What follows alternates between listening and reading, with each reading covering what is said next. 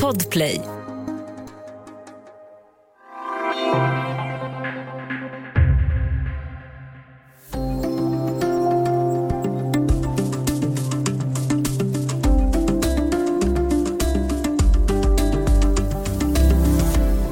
Låginkomsttagare, lågutbildade och utrikes födda är starkt överrepresenterade bland de som dött i covid-19 i Sverige.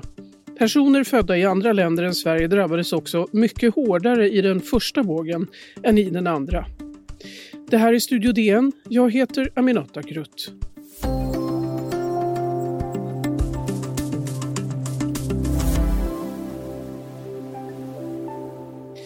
Ja, Studio DN handlar idag om covid-19 och vilka som drabbats hårdast av sjukdomen i Sverige. Och vi har med oss DNs reporter Kristoffer Örstadius. Välkommen! Tackar! Eh, och du, nu är det lite mer än ett år sedan vi hade det första dödsfallet i covid-19 i Sverige. Den 11 mars 2020 avled en 70-åring i Stockholm och nu har omkring 13 000 personer dött och du har varit med och tagit fram statistik. Vilka faktorer har ni sett ökar risken av att, eh, att dö av covid-19? Ja, men om vi tittar på den enskilt viktigaste faktorn så, så är den kanske inte så överraskande. Det är åldern. Men vad jag ändå är överraskad över när det gäller åldern är, det är att den här eh, dödligheten i de högre åldersgrupperna är så otroligt mycket högre än dödligheten i de, de lägre åldersgrupperna. Det är otroligt stora skillnader. Eh, så åldern är en sån. Eh, Eh, andra viktiga faktorer är eh, inkomstnivå, utbildningsnivå och som du själv sa, där utrikesfödda, särskilt vissa länder, också kraftigt överrepresenterade. Men om man ska titta på den enskilt viktigaste faktorn så är det åldern. Mm. Hur gjorde ni den här undersökningen som ligger till grund för alla slutsatserna ni har dragit? Som, vi ska prata mer om slutsatserna alldeles strax, men hur gjorde mm. ni? Men det bygger på data från ett register som Socialstyrelsen har som kallas för dödsorsaksregistret. Det är nämligen så att eh, när en person dör i Sverige så registreras dödsfallet i dödsorsaksregistret med eh, ja, uppgift om vad det var för någonting personen dog med eller av. Eh, och då har vi tittat på alla som dog i covid-19 Eh, sen är det Statistiska centralbyrån som hjälpt oss eh, här att eh, ta fram då data på inkomst, utbildningsnivå, födelseland och så vidare. Och så har vi gjort analyser på det här då och kan, kan visa hur dödligheten ser ut i olika åldersgrupper, olika inkomstgrupper och så vidare. Och det, det är på så sätt som vi kan dra de här slutsatserna. Mm. Statistik är ju krångligt. Det finns många faktorer att ta hänsyn till. Går det verkligen att dra några säkra slutsatser av den här statistiken? Ja, det tycker jag nog ändå att man kan, kan göra. Absolut finns det eh, svårigheter med att tolka statistik och sådär, men vad, vad, som vi gjort är att eh, titta på dödlighet i olika åldersgrupper. Eh, det, det är nämligen just åldern stöker till rejält eftersom eftersom eh, det är så stör, otroligt mycket högre dödlighet i de äldre åldersgrupperna. Eh, och till exempel om vi tittar på utrikesfödda är det en speciell grupp, för det är väldigt många un, mycket yngre personer än vad, vad det är i gruppen inrikesfödda. Om man bara rakt av skulle titta på dödligheten i olika länder så sticker eh, Finland ut eh, väldigt, väldigt eh, mycket med väldigt mm. hög död, många döda. Bland yngre? Då eller? Precis, men, men, men då hänger, precis, men, men, då, men sen när man kompenserar det, för när man tar hänsyn till åldern så finns det inte lika hög dödlighet bland personer födda i Finland. Så, eh, och det beror på att den finländska befolkningen är, är ganska gammal i Sverige, det är hög medelålder. Så, så, så vad har vi gjort då? Att titta på åldersgrupp för åldersgrupp för att uh, kunna dra mer säkra slutsatser av materialet. Mm. Ja, det här med att man eh, har då en högre risk när man är eh, utlandsfödd. Det kan ju vara lite vanskligt att dra slutsatser där, men om vi pratar om, om Finland till exempel, kanske även Jugoslavien och Bosnien, Hercegovina mm. som ligger högt i åldrarna 0-59 år. Mm. Mm. Eh, är det en klassfråga? Handlar det om vad man jobbar med till exempel? Eller? Kan säkert vara en sån faktor, men vad vi även kan se eh, är att eh, när man, när man tar hänsyn till eh, olika faktorer som yrke, eh, trångboddhet, eh, område och andra liksom olika, olika faktorer så finns det ändå kvarstår det ändå en, en skillnad mellan, mellan olika ja, eh, födelseländer så att säga. Så, så att, eh, och, och, vad jag tror att det skulle kunna bero på Ja, dels kan det vara slumpen som gör att eh, smittspridningen blir väldigt hög. Det är ju en, det är en speciell sjukdom det här i och med att det smittar. Eh, att den är smittsam. Det, det, det, det gör ju att eh, ja, så, så, fort någon blir sjuk i en viss grupp och så kanske de umgås med varandra i hög utsträckning och så vidare, så blir det liksom en förstärkt effekt av det här. Eh, mm. så, eh, så kan man säga. Så till exempel, jag tror att det var Nuri Kino som också jobbar som journalist som nämnde att eh, hans eh, släktingar som är då assyrier-syrianer i Södertälje till exempel, där fanns det en väldigt hög överdödlighet bland dem och det är väl också det som ni har sett här att som, alltså, Syrien och Turkiet är överrepresenterade mm. i åldrarna 60 till 79 och ligger skyhögt när det gäller i åldrarna 80 plus. Mm, mm, mm. Mm. Ja, precis. De sticker ut jättemycket. Så, så det kan säkert ligga någonting i det där. Och, och, det har ju pratats om, men det är ju anekdoter, men det, det, det finns ju exempel på, på, på bröllop och begravningar och sådär som påstås vara stora smittspridningstillfällen. Så det, det, kan ju, kan, kan ju vara en faktor till att det är vissa länder som sticker ut. Att det kanske är många som som är födda i ett visst land, till exempel Syrien, då, eh, att, att man har, har, har, har träffat många personer eh, och därför eh, det förstärks de här siffrorna på grund av det att smittspridningen mm. blivit, blivit, blivit väldigt hög bland de som brukar umgås med varandra. Ja, generationsöverskridande umgänge ska vi säga då, att man umgås både äldre och ända ner till småbarn. Okej, vi ska alldeles strax prata mer om eh, statistiken och eh, vad den visar. Vi är strax tillbaka.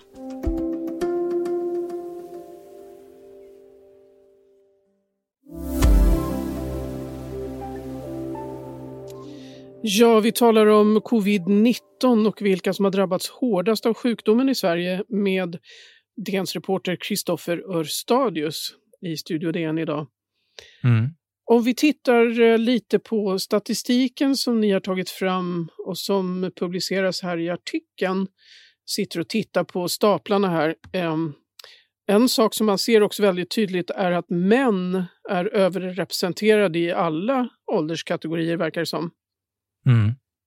Vad beror det på? Vet man det? Jag, jag, vet inte om någon dratt någon säkra slutsatser där, men, men det, det, och det är ju inte, redan i Italien när det var den, den första stora vågen där eh, i, i eh, februari-mars, så var det också supertydligt där att det, det var män drabbades i högre utsträckning än kvinnor.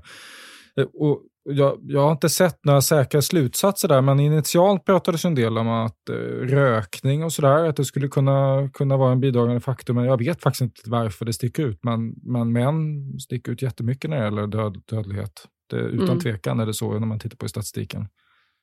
Ja, vi, vi rullar vidare utan att dra för många långtgående slutsatser eller gissa, eller vad vi ska säga. Eh, titta på låginkomsttagare här, 50 till 64 år. och där har ni sett en tydlig skillnad i olika inkomstintervaller. Vill du berätta lite grann om mm. just den? Ja men precis, det, det, är ju tydligt där att ju, ju lägre inkomster desto högre är dödligheten i covid-19. Eh, och den är ju särskilt tydlig till exempel om man jämför de som tjänar 0 till eh, 10 000 kronor i månaden och de som har en, en månadsinkomst på ja, 30 till 40 000. Jättetydliga skillnader i, i dödlighet där då den den förstnämnda gruppen, de som tjänar 0 till 10 000, eh, eh, dör i betydligt högre utsträckning än, än eh, övriga befolkningen. Mm. Utbildning och inkomst eh, skriver ni också här är stora markörer för hälsa, sjuklighet och död. Och ni har också konstaterat att även lågutbildade är överrepresenterade i er statistik. Mm. Kan du berätta något om det? Jo, men personer, och då kan man titta på, det bygger då på data från Statistiska centralbyrån där, de, där det finns uppgifter om varje person i Sverige, vad man har för högsta utbildningsnivå, det vill säga om man, vad man läst som liksom max. Om man tittar på eh, grunds de som har läst som max grundskola så är det den gruppen också där det är som, eh, som högst dödlighet. Både det här, ja, det hänger ju naturligtvis ihop, utbildningsnivå och inkomst, det är ju inga enskilda parametrar, utan allt hänger ihop naturligtvis, och även med de andra faktorerna också naturligtvis. Men, men det är ju inget unikt för just, eh, tyvärr, för, för covid-19, utan, utan det är ju skillnader man ser i alla möjliga olika, ja, olika folksjukdomar, eh, och så är, är, det ju tydligt att Eh, personer som har låga löner, personer som har låg utbildningsnivå eh, löper större risk för att drabbas av allvarliga sjukdomar eh, och, och en större dödlighet. Det går ju mm. bara att spekulera varför det är så med covid-19, men, men en, en, förmodligen en väldigt en säker slutsats man kan dra där, det, det är ju att det är andra yrkesgrupper i, i de här, om man kanske träffar med serviceyrken och så vidare, kanske träffar eh, ha större liksom, kontakt med, fysiskt med andra människor och, och därmed utsätts för större risk. Mm, man kan inte jobba hemifrån helt enkelt. Sen vet vi att eh, en sån faktor som rökning till exempel, man röker mer om man, eh, eh i, i, personer som har lägre utbildningsnivå. Eh, det är statistiskt bevisat alltså, eller? Precis, och att, att, precis, och att man har en uh, allmänt liksom, sämre folkhälsa när det gäller många olika parametrar. Och det är klart att det, det, det, det gör ju att uh, den här gruppen är särskilt utsatt uh, när det kommer ett, en mm. sjukdom. Ja, lägre inkomst kan ju innebära att man inte har råd att gå till doktorn eller tandläkaren och så, till exempel. Mm, till, ja, till exempel. Ja, precis. Ja, vi har pratat lite grann om överrepresentationen för utrikesfödda jämfört med inrikesfödda. Eh, men det förklarar väl inte allting, eller hur? Kan det finnas underliggande sjukdomar och visar den här statistiken någonting om sånt?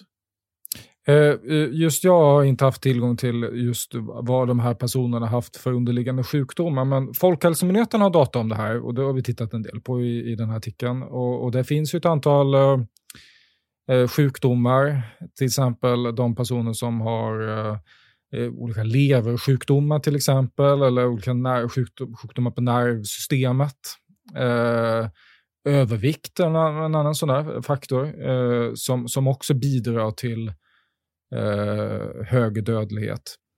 Men måste ändå säga, även om man tar sjuklighet, utan tvekan väldigt stor betydelse, men, men just åldern, den är det, det pratas mycket om det under pandemin. Folkhälsomyndigheten tjatar ju mycket om ålder, men tål att upprepas. Alltså, tittar man på den här statistiken som jag tagit fram, ålder är så otroligt mycket viktigare än vad man kanske trott. Jag, jag visste det ju från början, att, och det, man har ju hört att, att ålder är viktig, men att den är så otroligt viktig som, eh, eh som den faktiskt är, det, det var ändå en överraskning för mig. Jag 16 personer dog under 30, som är 30, under 30 år. Det är en, en promille av alla döda.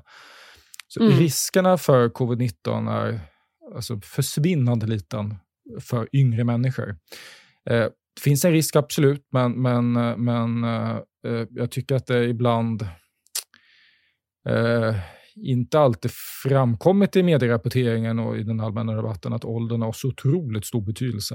Eh, ja, det, vad, vad, sa du nu? Det är över 8000 personer som är, eh, eller ännu fler, det är över 10 000 va? som är 70 och uppåt som har dött. Ja. Och resten... Jag har inte siffrorna här och nu, men det är, alltså, det, det är, alltså, det, är en 70-75 eh, procent sånt där, eh, som är över 80 år. Eh, och eh, när, när jag pratat med folk så är det, det är tydligt att det, är, det, det, det, det sticker ut om man jämför med många andra eh, sjukdomar. Så. Ja, och då undrar man ju två saker här. Det första är ju, kommer det här att ändras i takt med att vi nu har fått fler och fler vaccinerade i landet? Absolut, och, där, och det är ju ett av skälen till att de här siffrorna är så intressanta. För det betyder ju att eftersom vaccinationen har inriktats på, på personer som är, där är åldern liksom den viktigaste faktorn för när man får vaccin. Eh, så det är ju, det är ju, dödssiffrorna kommer ju, de kommer minska rejält nu här de kommande veckorna eh, på grund av det här. Även om smittspridningen kommer vara lika hög kanske som den var innan. Det kanske kan, kan, kan ju komma en tredje våg som är ännu värre än våg 1 och våg 2. Men även om vi skulle hamna i en sån situation så är det ju uppenbart när man tittar på de här siffrorna att, att eh, dödligheten eh, eh, att alltså antalet döda kommer kom, kommer minska, utan tvekan. Det är ju inte samma sak som att problemen knippade med pandemin kommer minska. Det är ju värt att påpeka. Det finns ju massor med personer som hamnar på IVA, till exempel intensivvård, som är unga och, och utan underliggande sjukdomar. Så det är viktigt att komma ihåg att det är ju, det är ju inget att leka med inte för unga människor, den här sjukdomen. Men, men just dödlighet och ålder, det, det, liksom, det är väldigt, eh, väldigt stor förklaring till, till det vi ser. Är det någonting i den här statistiken som vi kan använda för att lära oss någonting för framtiden här? Eller? Vad, vad, tror du? Det, det, tror jag. Jag tror att skillnaden mellan den första och andra vågen där vi kan se tydligt, jag kommer inte ihåg om vi pratade om det, men, men den första vågen drabbade utrikesfödda i, i, betydligt högre än vad den andra vågen gjort. Och det är möjligt att man kan dra slutsatser där, att man kanske var sen i kommunikation eller annat eh, ut till de här grupperna, att det, det kanske var Tog, tog, Eller sen med skyddsåtgärder kanske? Sen med skyddsåtgärder, absolut. Eh, så att, eh, jag tror utan tvekan att man kan lära sig mer av, av de här siffrorna. Mm. Tack så jättemycket för att du var med i eh, Studio DN, Kristoffer Stadius. Tack så mycket. Studio DN görs för Podplay av producent Sabina Marmulakai, exekutiv producent Augustin Erba, ljudtekniker Patrik Miesenberger, teknik Jonas Lindskog, Bauer Media och jag heter Aminata Grutt.